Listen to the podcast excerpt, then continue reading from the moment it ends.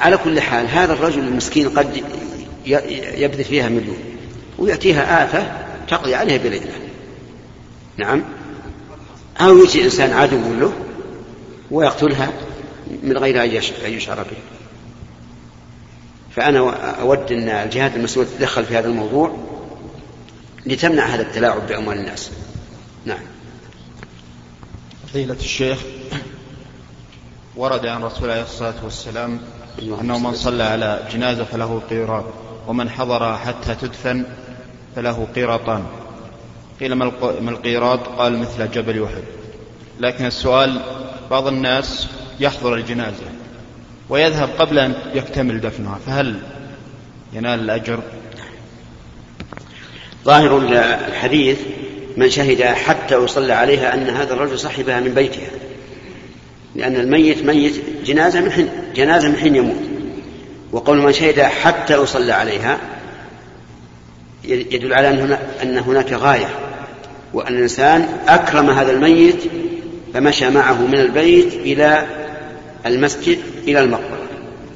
لكن قد يقول قائل إن قوله صلى الله عليه وسلم من شهدها حتى يصلى عليها يشمل من انتظر في المسجد حتى تأتي ويصلى عليها. ونرجو من الله الخير. أما أن ينصرف قبل أن يتم دفنها فإنه لا يحصل على العجب. لقوله صلى الله عليه وسلم من شهد حتى تدفن. وإذا انصرف قبل أن يتم دفنها فإنه لم يشهدها حتى تدفن. فلا يكتب له هذا الأجر. وقد سئل النبي عليه الصلاة والسلام عن القيراطين قال مثل الجبلين العظيمين. وفي رواية أظنها لمسلم قال أصغرهما مثل جبل أحد. نعم. بسم الله الرحمن الرحيم. فضيلة الشيخ آه، كيف التوفيق بين قول الله عز وجل إن أكرمكم عند الله يتقاكم وبين ما هو آه، ثابت من أن جنس العرب أفضل من جنس العجم وكذلك فضل قريش على سائر العرب؟ وكيف نوفق بين هذا؟ جزاكم الله لا فرق. أقول لا تنافي فإن النبي صلى الله عليه وسلم قال الناس معادن كمعادن الذهب والفضة. وأخبر عليه الصلاة والسلام أن خيار خيار الناس في الإسلام خيارهم في الجاهلية. وعلى هذا فأكرم الناس من قريش أتقاهم لله. وأكرم الناس من تميم أتقاهم لله. وهلم جرا أما الجنس فالجنس شيء آخر. فجنس العرب أفضل من جنس العجم. لا شك. وكما قال النبي عليه الصلاة والسلام إن الله اصطفى من بني إسماعيل كنانة واصطفى من كنانة قريش واصطفى من قريش بني هاشم واصطفاني من بني هاشم. فهنا الخيار يعني بين الناس من هؤلاء. أما عند الله فأكرمهم أتقاهم حتى وإن كان من الجنس المفضل.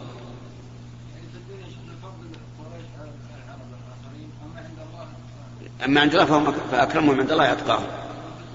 أما في الدنيا فإن خيارهم في الإسلام خيارهم في الجاهلية. نعم.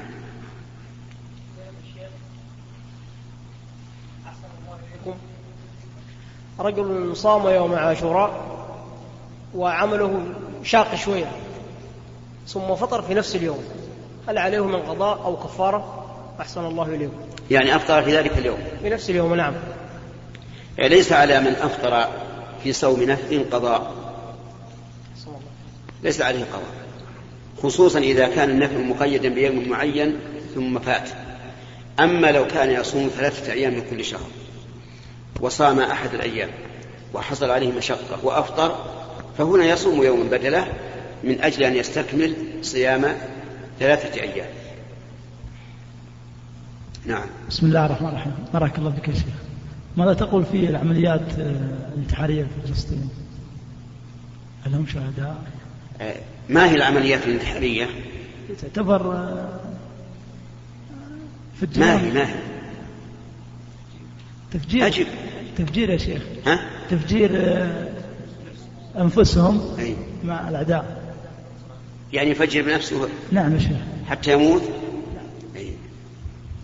هذه سبق الجواب عليها وقلنا إن هذا الذي يفعل ذلك قد قتل نفسه وأنه معذب بما قتل به نفسه في نار جهنم خالدا فيها مخلدا كما ثبت ذلك عن النبي عليه الصلاة والسلام وأن هذا حرم عليه لأن الله قال لا تقتلوا أنفسكم لكن هؤلاء الجهال الذين فعلوا ما فعلوا إذا كانوا جاهلين ويظنون أن هذا يقربهم إلى الله عز وجل فإنه فإني أرجو أن لا يعذبوا بهذا العذاب لكن ليس لهم أجر لأن ما فعلوه إثم لو لو تعمدوا ذلك لكن هم متأولون فيوفى عنهم.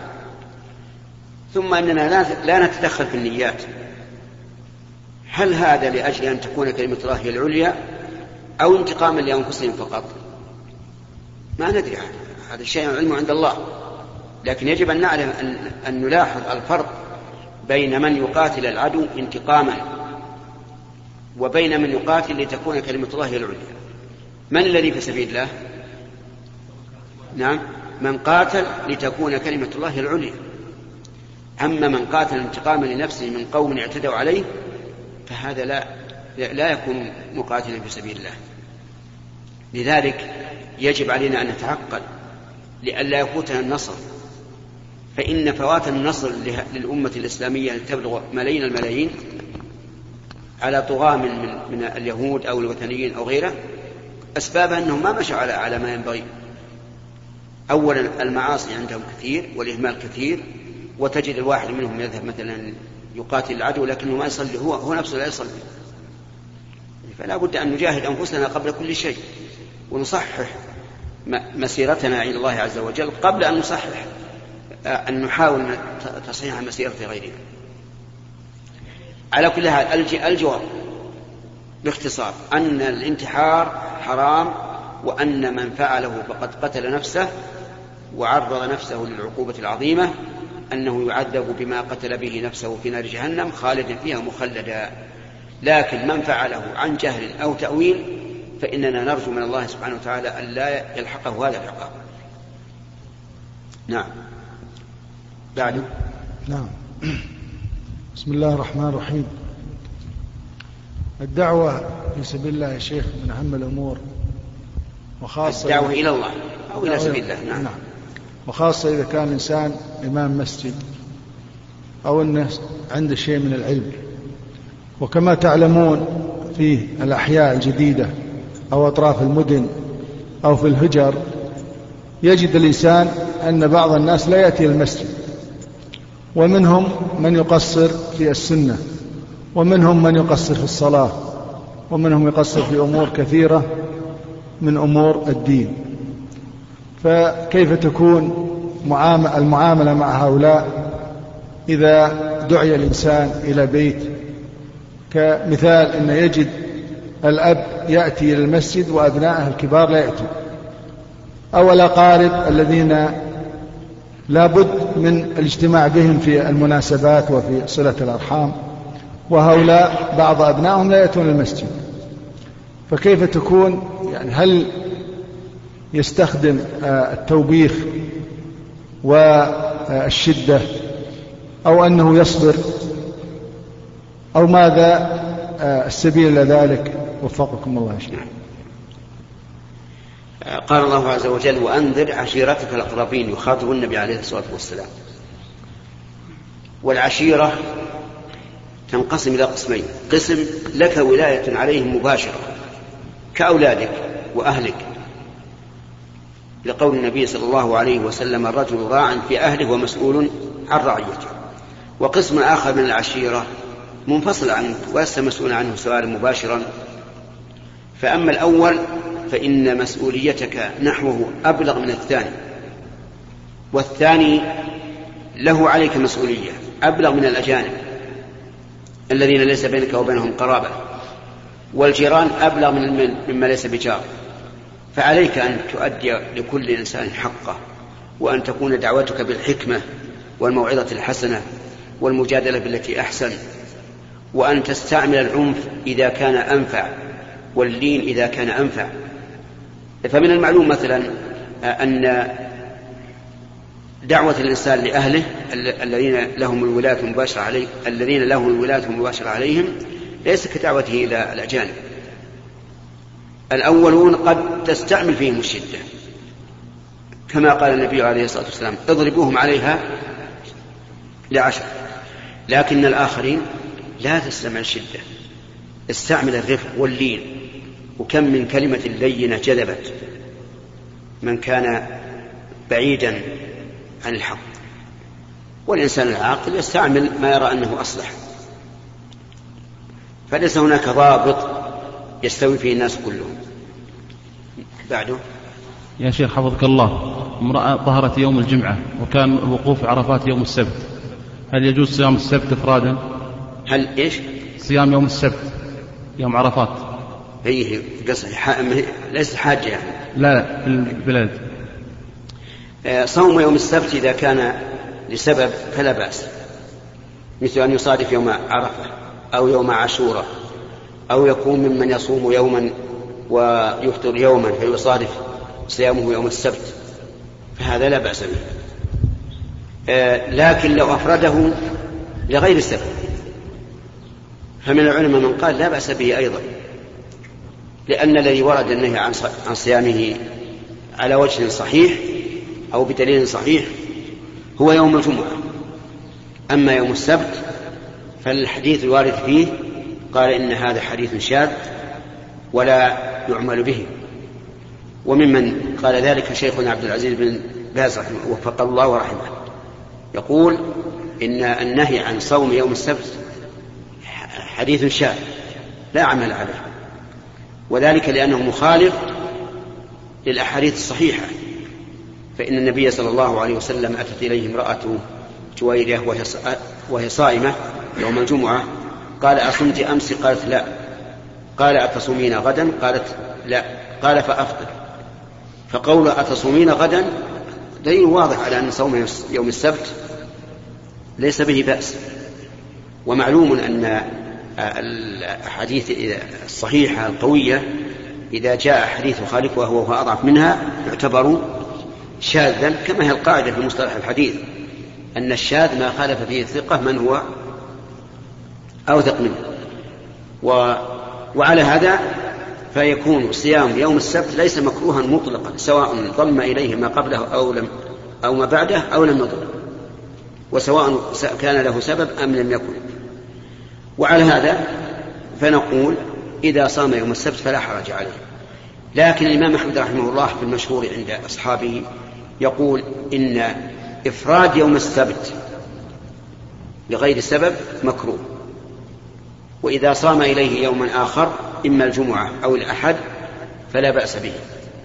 كما أنه إذا كان لسبب فلا بأس به. ولعل هذا أقرب الأقوال لئلا نلغي حديث النهي عن صوم يوم السبت. فيقال من صام يوم السبت لأنه يوم السبت فهذا إيش؟ منهي عنه. لا نقول يجوز لا يجوز نقول منهي عنه. ومن صامه لسبب أو ضم إليه غير غيره فلا بأس به. نعم. الشيخ محمد الله عنك رجل مسلم لا يمنعه عن فعل المعصية إلا حياءه من الناس. وليس رجاء ما عند الله أو خوف من عقابه. فما له؟ هذا ليس له شيء. يعني ليس له ليس له أجر قطعا. لكن هل يكون عليه إثم؟ هذا محل تردد قد يقال إن عليه إثما لأنه تقرب إلى المخلوقين بطاعة الله عز وجل أو بترك معصيته. وقد يقال ليس عليه إثم لأن الله عز وجل شرع الحدود والعقوبات ردعا للعصاة. ومعلوم أن العاصي قد يمنعه عن المعصية الخوف من هذه العقوبات دون أن يكون على باله الخوف الخوف من الله عز وجل. فعلى كل حال ندعو مثل هذا الرجل إلى إخلاص النية لله عز وجل وأن تكون طاعته تقرب إلى الله وترك المعصية خوفا من الله. نعم. فضيلة الشيخ آه، أم الزوجة من الرضاء هل تكون محرم للزوج؟ نعم. أكثر العلماء ومنهم الأئمة الأربعة يقولون إن أم الزوجة من الرضاء كأمها من النسب. فهي فزوج ابنتها من الرضاء محرم لها كزوج ابنتها من النسب. واستدلوا بقول الرسول صلى الله عليه وسلم يحرم من الرضاع ما يحرم من النسب. وقال شيخ الإسلام رحمه الله إن أم الزوجة من الرضاع ليست كأمها من النسب وأنها وأن زوج ابنتها من الرضاع ليس محرما لها. واستدل بنفس الحديث فقال إن النبي صلى الله عليه وسلم يقول يحرم من الرضاع ما يحرم من النسب. ومعلوم أن أم زوجتك حرام عليك لكن من أي بأي سبب؟ بالنسب ولا بالمصاهرة؟ بالمصاهرة. وإذا كانت بالمصاهرة فقد دل الحديث بمفهومه أنها ليست محرما لك. وما ذهب إليه الشيخ رحمه الله أقرب للصواب أن أم زوجتك من الرضاع وبنت زوجتك من الرضاع ليست من محارمك. يبقى النظر هل يجوز للإنسان إذا ماتت زوجته أن يتزوج أمها من الرضاع أو ابنتها من الرضاع؟ نقول شيخ الإسلام رحمه الله يقول نعم يجوز لأنها ليست محرما له لكني أقول أنا من باب الاحتياط أن لا يتزوجها لأن الخلاف الكبير الذي في, في هذه المسألة قد يوجب الإنسان التوقف في حلها له. فإذا قال قائل كيف تقولون لا يتزوجها؟ وتقولون إنها ليست من محارمه. وهل هذا إلا نوع من التناقض؟ نقول لا بأس. لا بأس عند الاحتياط من أن نجمع بين الحكمين دليلنا في هذا أن النبي صلى الله عليه وسلم قضى للغلام الذي تنازع فيه عبد بن زمعة وسعد بن أبي وقاص قضى به لمن؟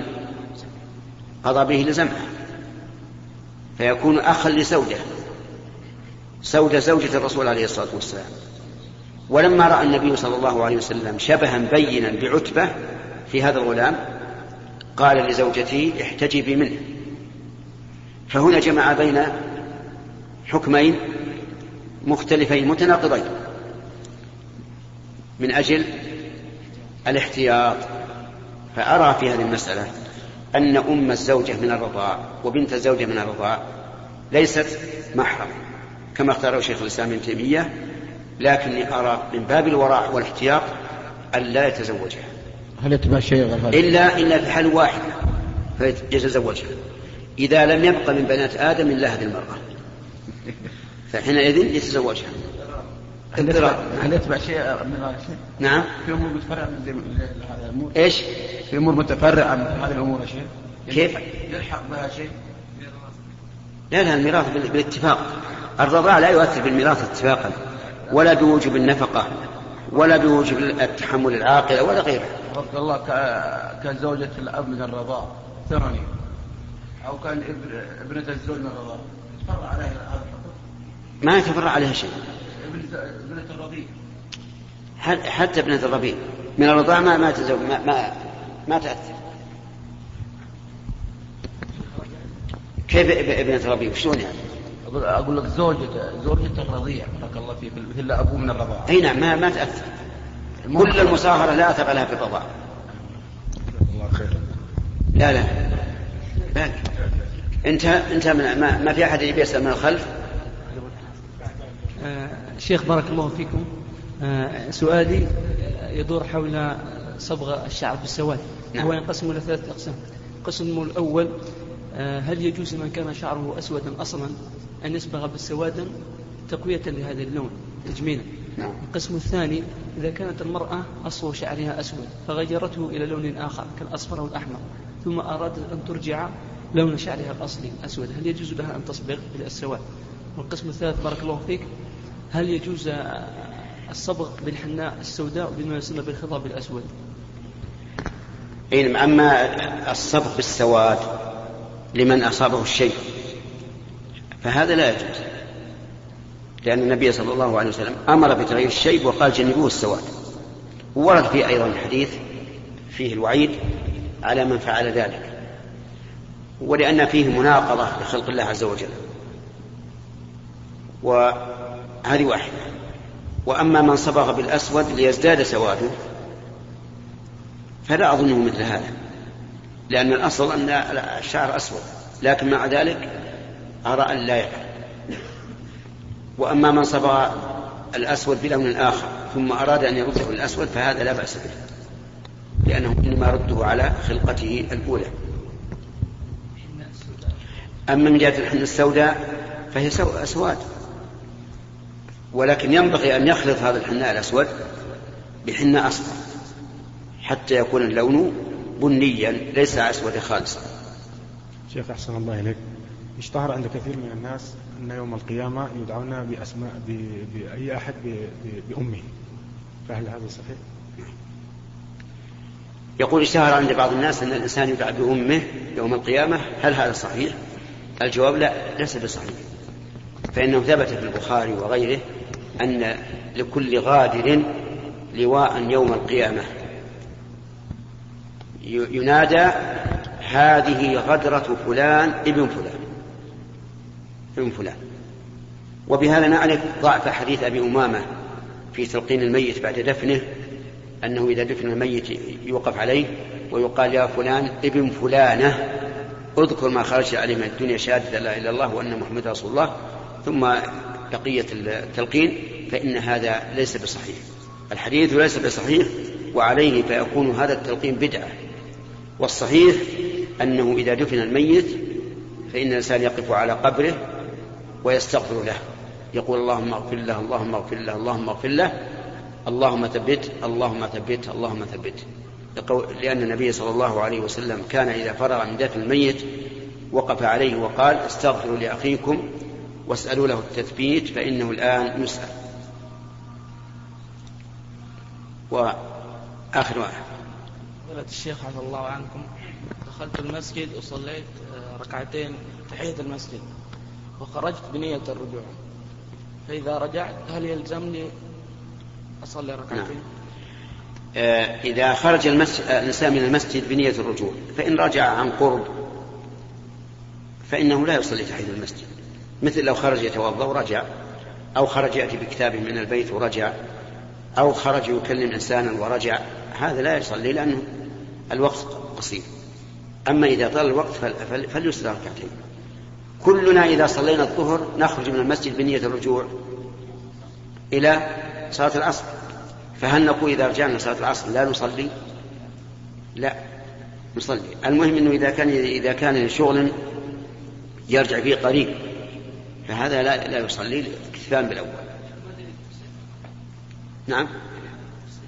أن أن الرسول عليه الصلاة والسلام أذن للمعتكف أن يخرج للحاجة إلى بيته ثم يرجع. فدل هذا على أن الخروج اليسير لا يعتبر خروجا من المسجد.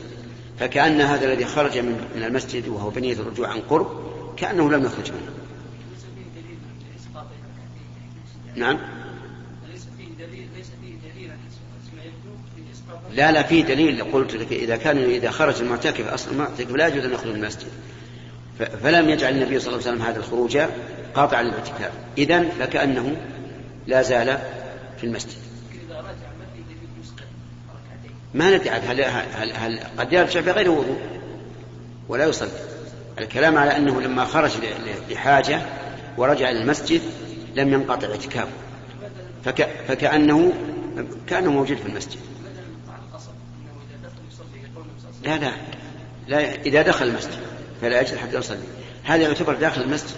يعني لا يعتبر خارجا منه. هذا داخل الدخول الأول. وخروجه للحاجة التي رجع قريبا كأنه لم يخرج كأنه لا زال باقيا يعني إذا رآه فيما بينه وبين الله. انت انت انت انتهى الوقت نعم؟ لا انتهى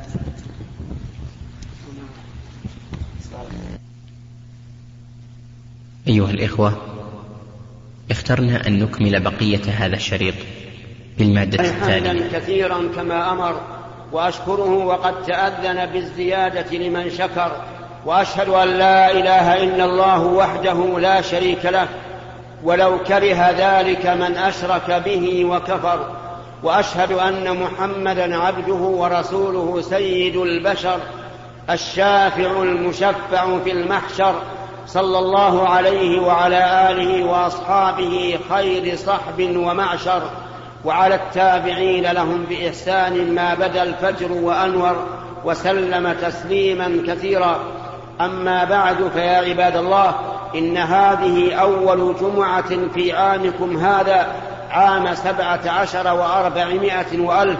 أسأل الله تعالى أن يجعله عام خير وعز وبركة للمسلمين عموما. وإنه في إطلاعة هذا هذا العام أرجو من إخواني أئمة المساجد أن يحرصوا على تذكير الناس وعلى تذكير الناس وعلى دعوتهم إلى الحق وذلك بأن يرتبوا درسا بعد كل صلاة عصر ودرسا بعد أذان العشاء من كل ليلة ومن كل يوم إن استطاعوا إلى ذلك سبيلا. لما في هذا من الخير وتوعية الناس ومن المعلوم أن من دل على خير فله مثل أجر فاعله من غير أن ينقص من أجر الفاعل شيئا. ثم إن المساجد لا ينبغي أن لا أن تكون محلا للصلاة فقط بل ينبغي أن تكون محلا للصلاة والتوجيه.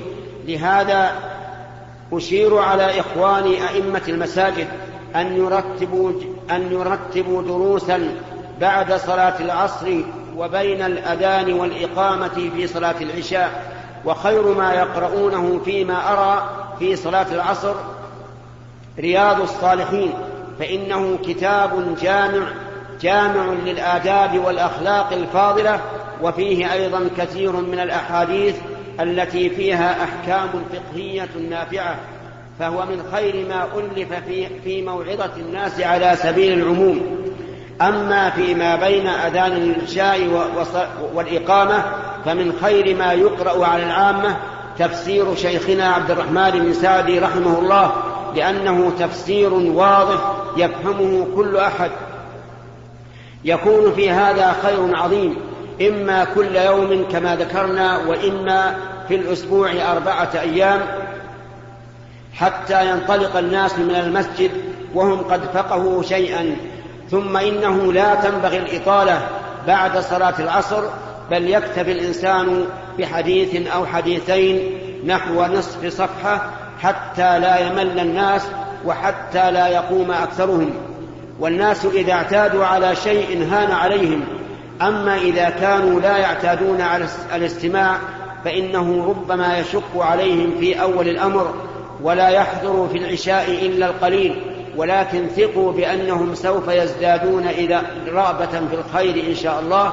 وكذلك في العصر ربما يقوم كثير من من الناس ولكن إذا رأوا أنه لا إطالة في ذلك فإنهم سوف يبقون حتى ينتفعوا بما ييسر الله عز وجل. أخيرا اكرر على إخوان على إخوان الأئمة أن يحرصوا على ذلك. وأسأل الله تعالى أن يجعل عملنا خالصا لوجهه موافقا لمرضاته. وإن خير الحديث كتاب الله وخير الهدي هدي محمد صلى الله عليه وعلى آله وسلم وشر الأمور محدثاتها وكل محدثة بدعة وكل بدعة ضلالة وكل ضلالة في النار. فاجتمعوا رحمكم الله على دين الله ولا تتفرقوا فيه. فالدين دين واحد وإمامنا في دين الله إمام واحد هو رسول الله صلى الله عليه وسلم. وربنا الذي يأمرنا وينهانا إله واحد فلنكن أمة واحدة كما أرادنا الله لذلك في قوله واعتصموا بحبل الله جميعا ولا تفرقوا. وفقنا الله وإياكم للاجتماع على الحق. وجعلنا وإياكم من المتعاونين على البر والتقوى إنه على كل شيء قدير. أكثروا أيها الإخوة من الصلاة والسلام على رسول الله فإن من صلى عليه مرة واحدة صلى الله عليه بها عشرا. ترضوا عن الخلفاء الراشدين فاللهم صل وسلم على عبدك ورسولك محمد. وارض اللهم عن خلفائه الراشدين وعن الصحابة أجمعين وعن التابعين لهم بإحسان إلى يوم الدين. وارض اللهم عنا معهم بمنك وكرمك يا رب العالمين. اللهم أعز الإسلام والمسلمين. اللهم اجمع كلمتهم على الحق. اللهم انصرهم على من عاداهم يا رب العالمين. ربنا اغفر لنا ولإخواننا الذين سبقونا بالإيمان. ولا تجعل في قلوبنا غلا للذين آمنوا ربنا إنك رؤوف رحيم. كونوا أيها الإخوة دعاة إلى الله كما أمر الله بذلك نبيه محمدا صلى الله عليه وسلم وأمره تعالى لنبيه أمر له ولأمته. يقول الله تعالى ادع إلى سبيل ربك بالحكمة والموعظة الحسنة وجادلهم بالتي هي أحسن. إن ربك هو أعلم بمن ضل عن سبيله وهو أعلم بالمهتدين والحمد لله رب العالمين وصلى الله وسلم على نبينا محمد وعلى آله وصحبه أجمعين